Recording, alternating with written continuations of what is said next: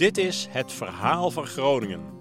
Een podcast van RTV Noord, gemaakt door J. de Vos en mijzelf, Beno Hofman. Van de rendierjagers in de ijstijd tot de gevolgen van het aardgas. Het verhaal van de geschiedenis van de provincie Groningen. In deze vijfde aflevering bekijken we hoe de Groningers het rampjaar 1672 doorkwamen.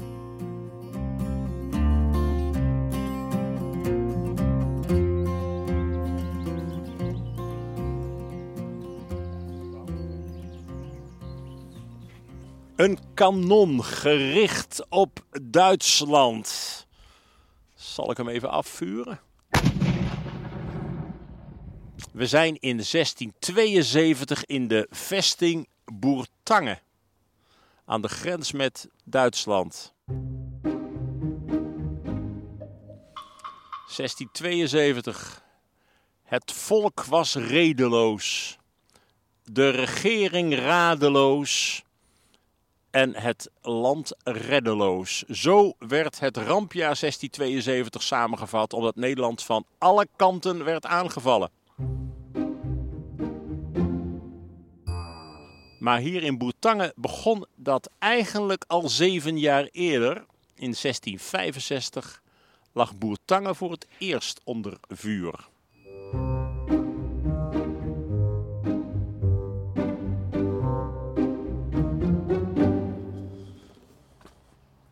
Ja, we zijn hier nu uh, niet in het hoogseizoen, maar uh, activiteit is hier wel degelijk. Het is prachtig weer trouwens. Ja, ziet er uh, nu fantastisch uit weer. Een totaal gereconstrueerde vesting. Diverse huizen, gebouwen die bij die vesting hoorden, die zijn weer opgebouwd. Uh, ja, die, die, die vesting was ontzettend belangrijk. Hier gelegen op een iets hoger gedeelte uh, in een gigantisch moerasgebied. 1742 had het zijn uh, uiterste omvang uh, bereikt. Maar in uh, 1665 was de vesting ook al goed verdedigbaar. En toen deed Bernhard von Galen, de bisschop, maar tegelijkertijd landsheer van Münster, een aanval op Noordoost-Nederland omdat hij dit gebied weer katholiek wilde maken. Dat katholicisme was hier verdreven in de 80-jarige oorlog. En hij denkt, uh, ik pak dat terug. Maar hij stuitte hier op de vesting Boertange. En uh, ja, dat viel allemaal nog niet mee.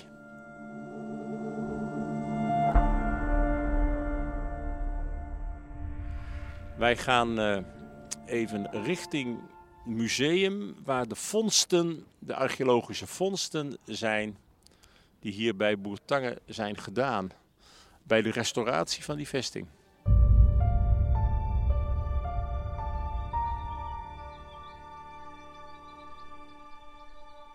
Co Lenting, uh, wij, wij zijn nu bij het museum, Co. Ja, dit is uh, het vestingmuseum, zeg maar. Ja. Hier, uh, Aan de rand van de vesting. Tegen de wallen aan? Het is oorspronkelijk een uh, soldatenbracht geweest. En die is helemaal weer naar oude bestek en is die weer opgebouwd. En goed, en speciaal voor de, om de bodemfondsen van, die we gedaan hebben de, tijdens de restauratie van de vesting, die hier tentoon te stellen. Oké, okay. en jij hebt de sleutel? Ik heb de sleutel. Nou, ja, niet of... altijd hoor, dat heb ik nou gekregen. Kijk of wie het doet. Zo, dan gaan we naar binnen toe. Kijk, de alarm is al afgezet voor ons. Oh, hartstikke goed.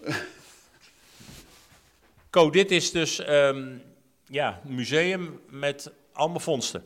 Maar wat je hier ziet is eigenlijk uit de complete periode van de vesting Boertange. Dus niet alleen maar 1665, 1672. Nee, dus uh, vanaf 1593 zeg maar, tot 1815 zijn al de bodemfondsen neergezout. Want toen zijn er, uh, in 1850 is de vesting ontmanteld, is de grachten dichtgegooid. En dit komt allemaal uit grachten. Maar het is wel zo, als er een oorlogsdreiging is, zoals in 1665 en 66 en 72, uh, was de bezetting veel groter. Dus er werd ook veel meer uh, afval uh, ja. in de grachten gedumpt. Dus nou, zullen we ze naar wat afval toe gaan? Ja, nou ja, hierachter zie je dus van die ronde bollen met oortjes eraan. Er zit een gat in. Dat zijn de mortierbommen, zeg maar. Die zijn dus ook in die periode, zijn ze dus op de vestingen afgeschoten die mortierbommen, zeg maar, die zijn uh, ja, goed uh, in het water terechtgekomen en is de lontjes gedoofd. Dus daarom zijn ze nog zo mooi uh, oh. intact gebleven. Ja. Ehm, iets specifieks uit 1665. In 1665, zoals dat dagboek van kapitein Jeltinga zegt. Kapitein dus, Jeltinga verdedigde Boertangen in 1665. Ja, die, die stond op wacht en... En zijn groep, zeg maar, die hoorde met wat lawaai bij de, bij de poort van de, aan, de, aan de Duitse kant. Dus en dan gingen ze er kijken en dan konden ze zien zeg maar, dat uh, men bezig was, de mensen, om de poort, op de, op de slot, om door te zagen. en heel toevallig, uh, met de restauratie, uh, op die plek hebben we in de gracht een, een, een, een groot hang, hangslot gevonden, zeg maar. Ja, het staat hier vol met vitrines en hier hebben we, oh ja, nou dat is een dat kolossaal... Is een, groot vierkant slot, zeg maar, met een beugel erop bij. En daar waren ze mee aan het prutsen, de Ze hebben het slot doorgezaagd en de, goed in de, in, in de gracht gegooid eigenlijk. Nou, zij is heel goed bewaard gebleven, kun je wel zien. Dat zagen heeft het effect gehad? Is toen de vesting ingenomen? Nee, want toen hij eraan kwam, zeg maar, die, die kapitein, dan zijn ze gevlucht. Ah. Ja, maar er was wel een poging, zeg maar, om de vesting binnen te komen. Ja. En uh, ik zie daar ook een, hele stapel kogels liggen, Ko. Ja, dat, Zullen we er even lopen? aan de voet van de wal vind je dus een heleboel kogels. Daar geloof ik iets van 200 kanonskogels gevonden hebben. Kijk, deze kaliber... Dat, je mag ze zeker niet aanraken. Ja, oh. voor deze, voor deze, deze, oh, deze wel. dat. Ja. Er zijn zes spondes. Oh. Er zijn doorsneden van, van 9 centimeter, okay. zeg maar. Okay. En die zijn van de vijand afkomstig eigenlijk. Oké. Want je gaat niet op je eigen vesting schieten, dus, dus het is altijd van de vijand. Ja. En door die hoeveelheid kun je zien dat het toch wel een oorlogshandeling ja, is. Ja, ja.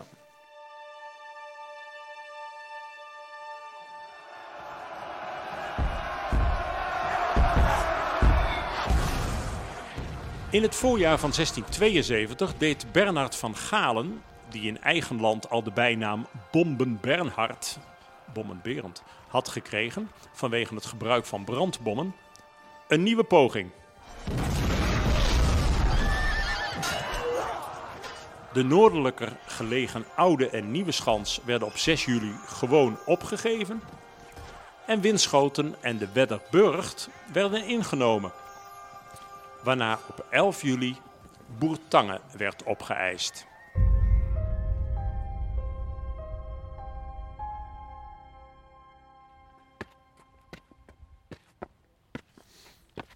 Op de wal staat een open standaardmolen. Nou, herbouwd 1980. Dus dat is een, uh, een van die dingen die hier gereconstrueerd zijn. Die molen die was natuurlijk heel belangrijk. En uh, de vijand die beschoot graag die molen. Want ja, dan was de voedselproductie ook uh, aangetast. In 1672 werd de verdediging van Boertange in handen gelegd van Bernhard Johan Prot, van Prot officieel, geboren in de stad Groningen.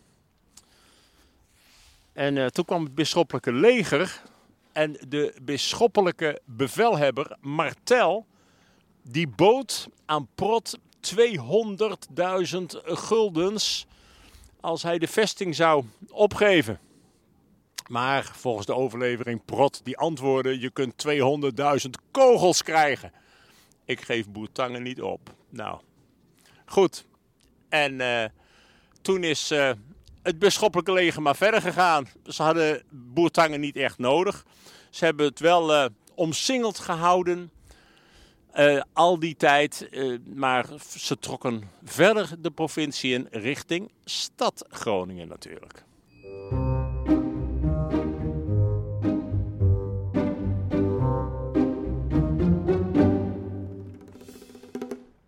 Ja, we lopen een kleine paadje achterlangs richting de poort die uh, ja, de richting Groningen leidt. Ook een gereconstrueerde poort.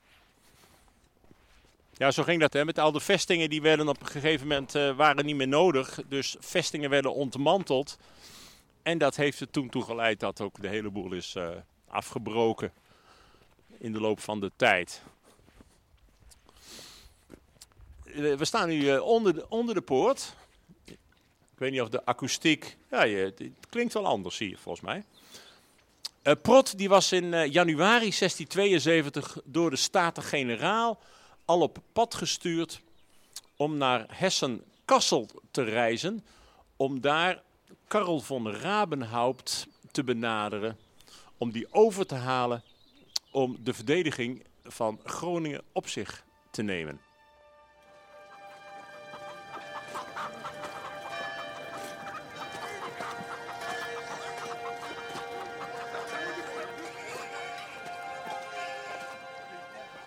Karel von Rabenhaupt had in de Tachtigjarige Oorlog al gevochten in Nederlandse dienst en werd, hoewel hij inmiddels bejaard was, in 1672 opnieuw ingehuurd. Het eerste aanbod wees hij af, maar nadat de Staten-Generaal er nog een schepje bovenop deden, ging Rabenhaupt akkoord en arriveerde begin juni in Groningen.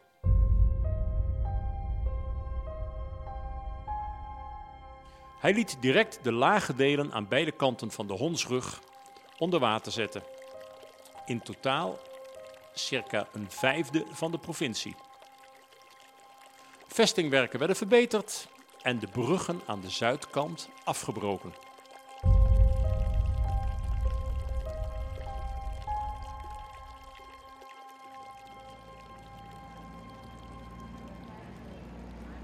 We zijn in de stad die zich dus klaarmaakte voor de aanval van Bommenberend en zijn compaan. En uh, we zijn op de Grote Markt. We lopen naar het stadhuis.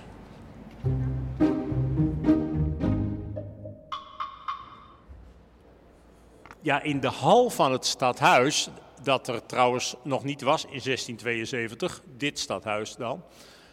Maar uh, hier in de hal hangen twee tastbare herinneringen aan dat rampjaar.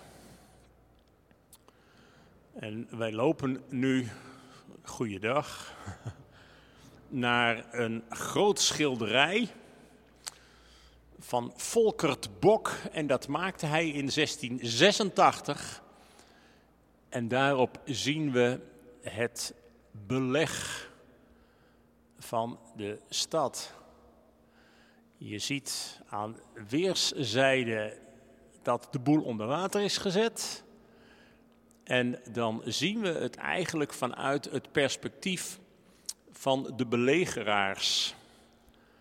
En uh, in het tekstje wat erbij staat, dat is dat uh, de stad belegerd werd door Maximiliaan Hendrik. Dat was dan de keurvorst van Keulen en Bernard van Galen, de bisschop van Münster. En ze gebruikten wat hoogtes ten zuiden van de stad. En ze kwamen in totaal met wel 22 tot 24.000 uh, soldaten naar de stad toe. En op 19 juli waren ze er en ze begonnen loopgraven aan te leggen. En die zien we op het schilderij ook heel duidelijk, zigzaggend richting de stad. En ja, Rabenhaupt in de stad, daar op de achtergrond van het schilderij, die, uh, die kon daar maar een beperkt aantal mensen tegenover stellen. 2000 soldaten en dan nog zo'n 1260 uh, bewapende burgers. Ook uh, de professoren en de studenten, iedereen hielp mee met de verdediging van de stad.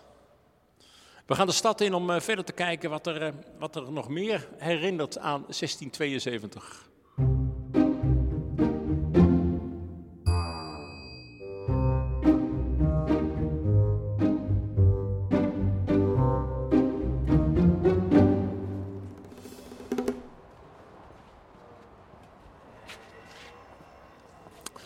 Nou, je moet het even weten, maar er zijn in de stad verschillende zaken die herinneren aan 1672. Uh, om te beginnen bij wat horeca. Uh, we hebben hier een uh, horecagelegenheid met de naam Bommenberend. Nou, dat klinkt natuurlijk niet zo best om een horecagelegenheid naar de vijand te noemen. Maar we lopen nu richting gedempte Zuiderdiep.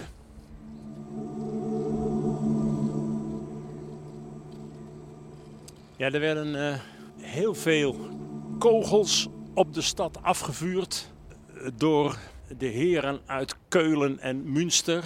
Het uh, zijn er zo'n uh, 4 tot 5000 geweest. Het was kogels van allerlei soorten. Gewoon ordinaire kogels, brandbommen, zelfs keitjes, stinkbommen, nou van alles en nog wat. En als er weer eens gegraven wordt in de stad, dan komen er nog regelmatig kogels tevoorschijn.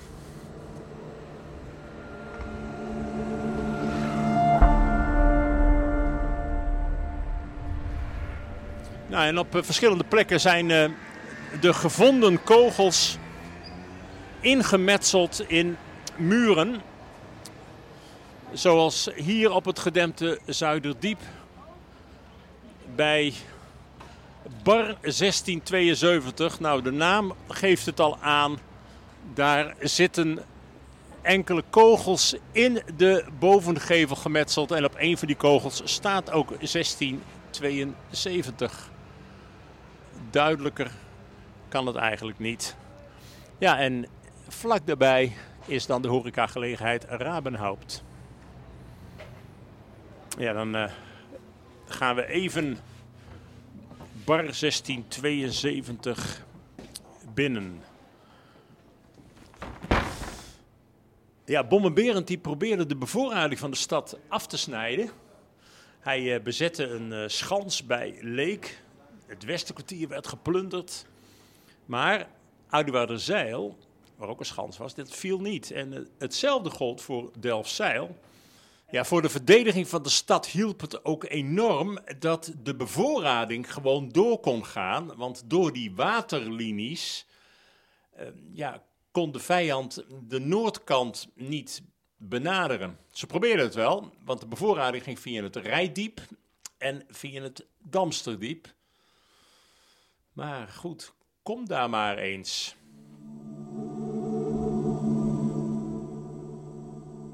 Ja, uiteindelijk vielen er in de stad bijna 100 doden, maar aan de andere kant vielen wel zo'n 4350 doden. En bovendien, er liepen zo'n 5600 soldaten over van het leger van Bommenberend naar de stadse kant. Ja, die zagen de bui natuurlijk al hangen. En zo gaf Bommenberend uiteindelijk het beleg op. En de stad vierde op 28 augustus het ontzet.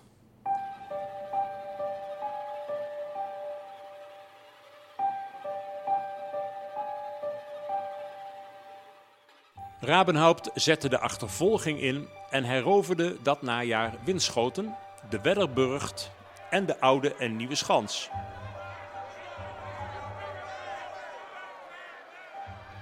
Eind december werd ook Koevorden, de belangrijkste Drentse vesting, heroverd. Bernard van Galen raakte uiteindelijk alle veroverde gebied kwijt.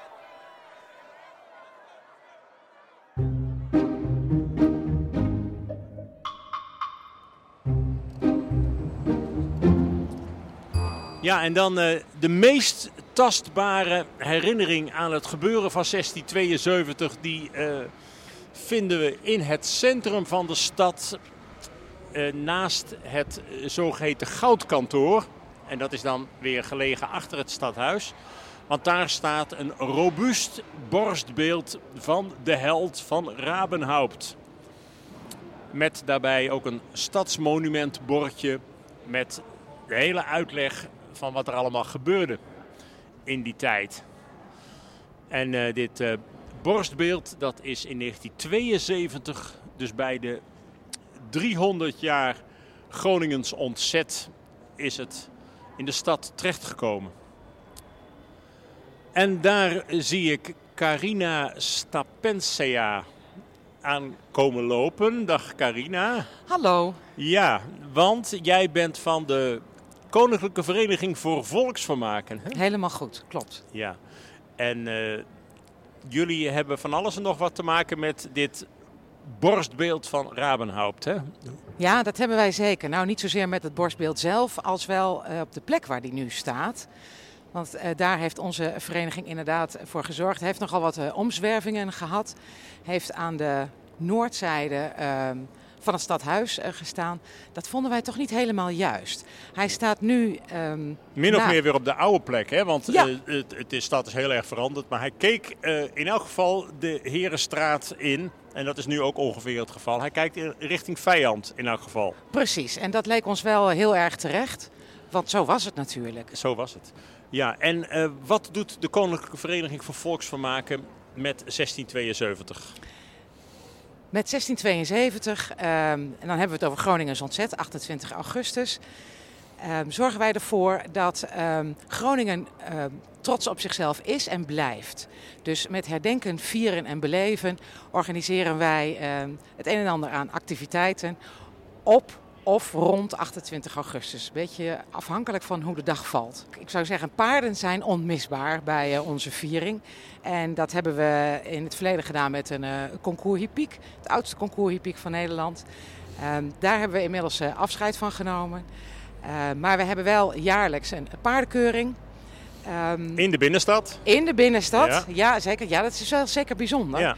Daar komt ook altijd uh, veel publiek op af, dus daar is veel belangstelling voor. Het is natuurlijk ook machtig mooi om te zien, die paarden die daar ja. uh, rondlopen. Um, en verder, um, daar is het eigenlijk een beetje mee begonnen. ja, korte baandraverijen. Die waren toen de, toen de tijd aan de, aan de Korreweg. En eigenlijk willen we die weer een beetje terug hebben in de binnenstad. Dat is wel een uitdaging op zich. Ja, het vuurwerk is altijd het eind hè, van de dag. En dat symboliseert natuurlijk ook het uh, vuurwerk wat er in 1672 uh, was. ja, met ja. veel bommen en granaten. Ja, ja. Geen stinkpotten meer. Nou, ik uh, zou zeggen allemaal op Groningen af op 28 augustus of daaromtrent.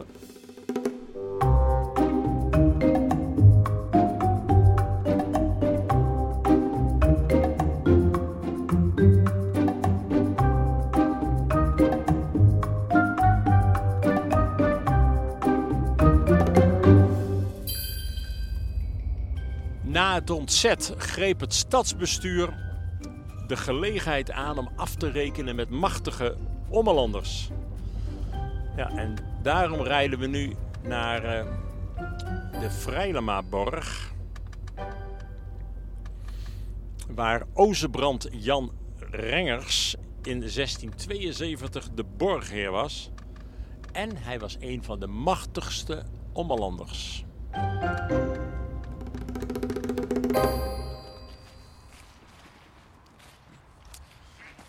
We zijn bij de Vrijlemaborg aangekomen in Slochteren.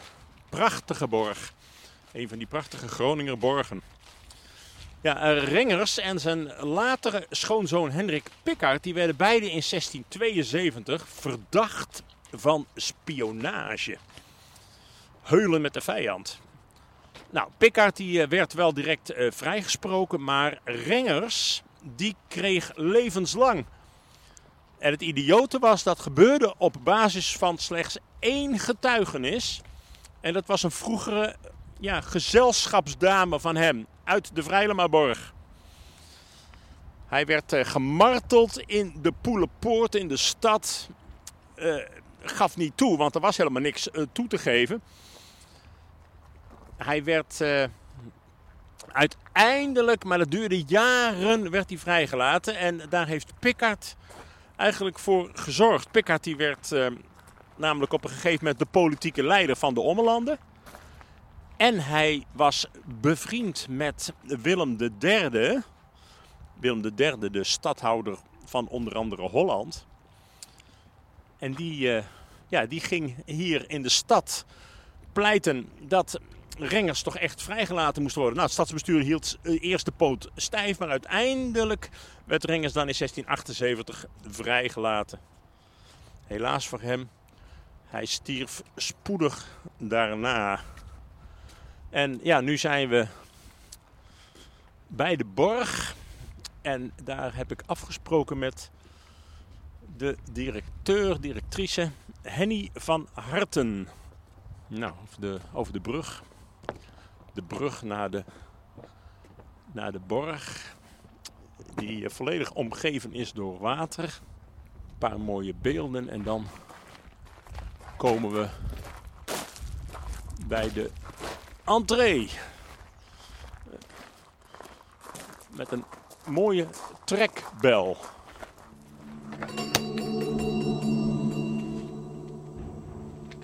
Goeiedag. Nou, we hebben een afspraak. Met? Met Henny. Met Henny? Ja. Dag Beno. Ja, nou, wij, wij zijn hier uh, vanwege Rengers en Hendrik Pickard. En ik vraag me dan af, uh, de Rengers, kun je iets over vertellen? Rengers en de Borg. Hij is hier borgheer geweest, immers. Ja, en uh, zelfs best wel lang. Want uh, hij is al vrij jong, in, in zo uit hoofd 1635, kreeg hij hier de, de scepter in handen. En uh, ja, eigenlijk is hij dat ge gebleven, borgheer, tot aan zijn dood in 1680. Dus ja. een hele, hele lange periode. Heeft hij uh, hier ook iets nagelaten in de zin van dat een delen van de borg onder zijn verantwoordelijkheid gebouwd zijn? Nou kijk, het was zo dat elke generatie uh, van, van borgheren ging natuurlijk eens kijken van hoe kan ik dit gebouw voor mijn situatie geschikt maken. Ook vaak de laatste mode. En uh, dat hij dus hier wat heeft laten aanpassen, verbouwen, is ongetwijfeld gebeurd. Want hij was ook heel wel gesteld, hij was heel rijk. Dus dat heeft ongetwijfeld zich uh, in uh, bepaalde ingrepen vertaald. Maar het lastige is dat daarna ook weer heel veel generaties opnieuw de zaak aangepast hebben. Dus je kan eigenlijk niet zo makkelijk zeggen van dit hele specifieke stukje van het huis is nou alleen van Ringers. Ja, want we staan nu in de grote zaal. Noemen jullie het zo? De, de grote... Ja, dit is de grote zaal. De grote ja, zaal. Ja. En was die er al in de tijd van Ringers? Ja, maar toen was hij uh, minder hoog. En, want de, het geweldige ruimtelijke effect hier, dat hij zo mooi de lucht in gegaan is, en met die stukdecoratie, dat is 18e eeuws. En toen was Rengers er al niet meer. Nee. En als wij nou hier binnenkomen, dan valt onmiddellijk op, hier binnenkomend rechts, een schilderij van Willem III. Ja, en hoe is dat hier terechtgekomen? Nou, dat is uh, samen met het portret van zijn vrouw aan de overkant. Uh, dat ja. zijn de, de pronkstukken van de Vrijlemaborg. Twee Mary, hele, Mary Stuart. Precies. Ja. De twee hele grote statieportretten. En die zijn uit 1691. En die hebben als achtergrond dat uh, de schoonzoon van Rengers, Hendrik Pickard, uh, dat die dus een diplomatieke vriendschap onderhield met de koning-stadhouder. En dat zorgde ervoor dat niet alleen die portretten als teken daarvan hier hingen, maar dat die koning-stadhouder ook een heel groot geldbedrag, 70.000 Caroli guldens, uitleende aan Pickard en zijn vrouw. En uh, da daarvoor konden ze dus niet alleen die prachtige Vredemalborg bekostigen, want die moest overgenomen worden van een familielid, maar ook een Ja, kerk. ja na, de, na de dood van Rengers ging het naar een, een zoon. Ja, precies. Eh, maar Evert, die, ja. ja. die raakte in, uh, een beetje ook in, in de geldnood. Behoorlijk, behoorlijke En, en financiële toen heeft problemen. Henrik Pickard, eh, de, de schoonzoon van Rengers, dus de, de zwager van deze, deze man die het uh, toen even had, uh, Evert, Evert Rengers. Evert, ja, Evert was het. Die heeft dat toen uh, met geld van Willem III kunnen bekostigen. Zo is het maar Ja. net. En, en ook daarnaast heeft hij een prachtige kerk laten bouwen in Harkstede van dat geld. Nou, dat was ook een, een dure klus natuurlijk. En dat is dus uh, gelukt dankzij die, die lening die met ontzettende prettige condities uh, werd verleend door de koning-stadhouder. Ja, want Willem III die was hier natuurlijk geen stadhouder, maar die wilde wel zo zijn invloed hier hebben in Groningen. En daarom dacht hij, uh, die Pickard, dat is wel een, een leuke relatie daarvoor. Handig om zo'n stroomman in de ommelanden uh, te Ja, hebben, zeker ja. weten. Ja. Ehm, is er hier wel een portret van Pickard ergens ook, eh Ja. Annie? Want hier in de grote zaal, ja, is natuurlijk ook de eerde plekjes, daar hangt Hendrik Pickard Ja, aan deze kant. Oh, heel mooi op, op koper geschilderd Links. portret door eh Colenius, een beroemde portretschilder. En aan de overkant hangt Anna Elisabeth Rengers, dochter dus van Ozebrand. Johan Rengers.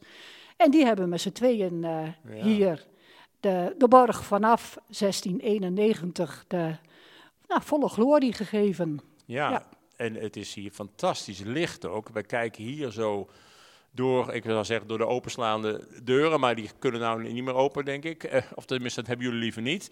Naar die, eh, ja, naar die prachtige tuin ook, hè? Ja, en dat is dus ook iets wat echt uit de tijd van Hendrik Pickard en zijn, zijn vrouw Anna stamt. Want in die tijd werd er hier een park aangelegd in de, de Franse barokke stijl. Daar hebben we ook nog een hele mooie reconstructietekening van. En een enorme lab die dus ook liet zien van ik heb niet alleen een mooie borg hier, maar er zit ook een fraai park bij. En eh, dat je dat dan allemaal op zo'n mooie manier kon en aanleggen en laten onderhouden, dat moest natuurlijk ook een bepaalde allure uitstralen. Ja, iedereen die hier dat bezoekt, die kunnen de hele borg door, hè? Ja hoor, Bezoekers, dat, ja. Dat, dat houden we als Vrijlemaborg ook zoveel mogelijk in ere, dat de mensen zelf rond mogen lopen in de kamers, zodat je ook de beleving hebt van, nou hoe ziet het er hier uit als ik uit het raam naar buiten kijk. Ja, ja. Wij weten weer wat meer over Rengers en Pickard, die in 1672 eh, ja, verdacht werden van heulen met de vijand.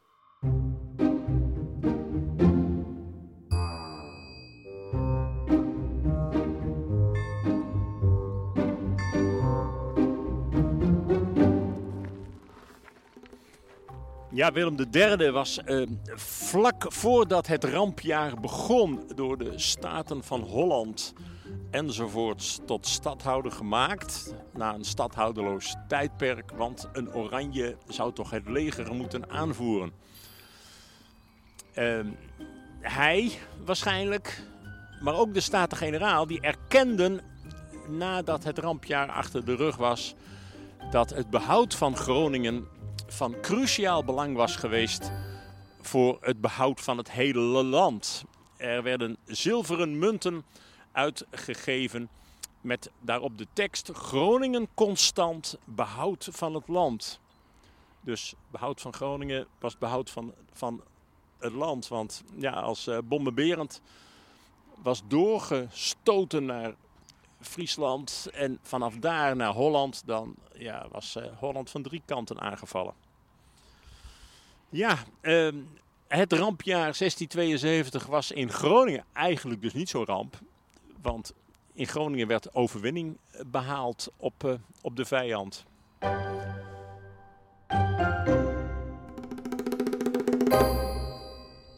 In de volgende podcast aflevering gaan we naar een andere mooie borg.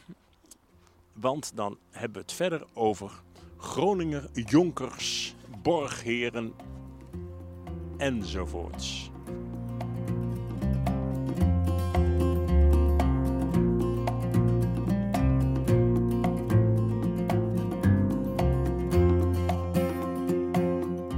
We hebben deze podcast gemaakt dankzij de financiële steun van de provincie Groningen, Prins Bernhard Cultuurfonds Groningen en RTV Noord.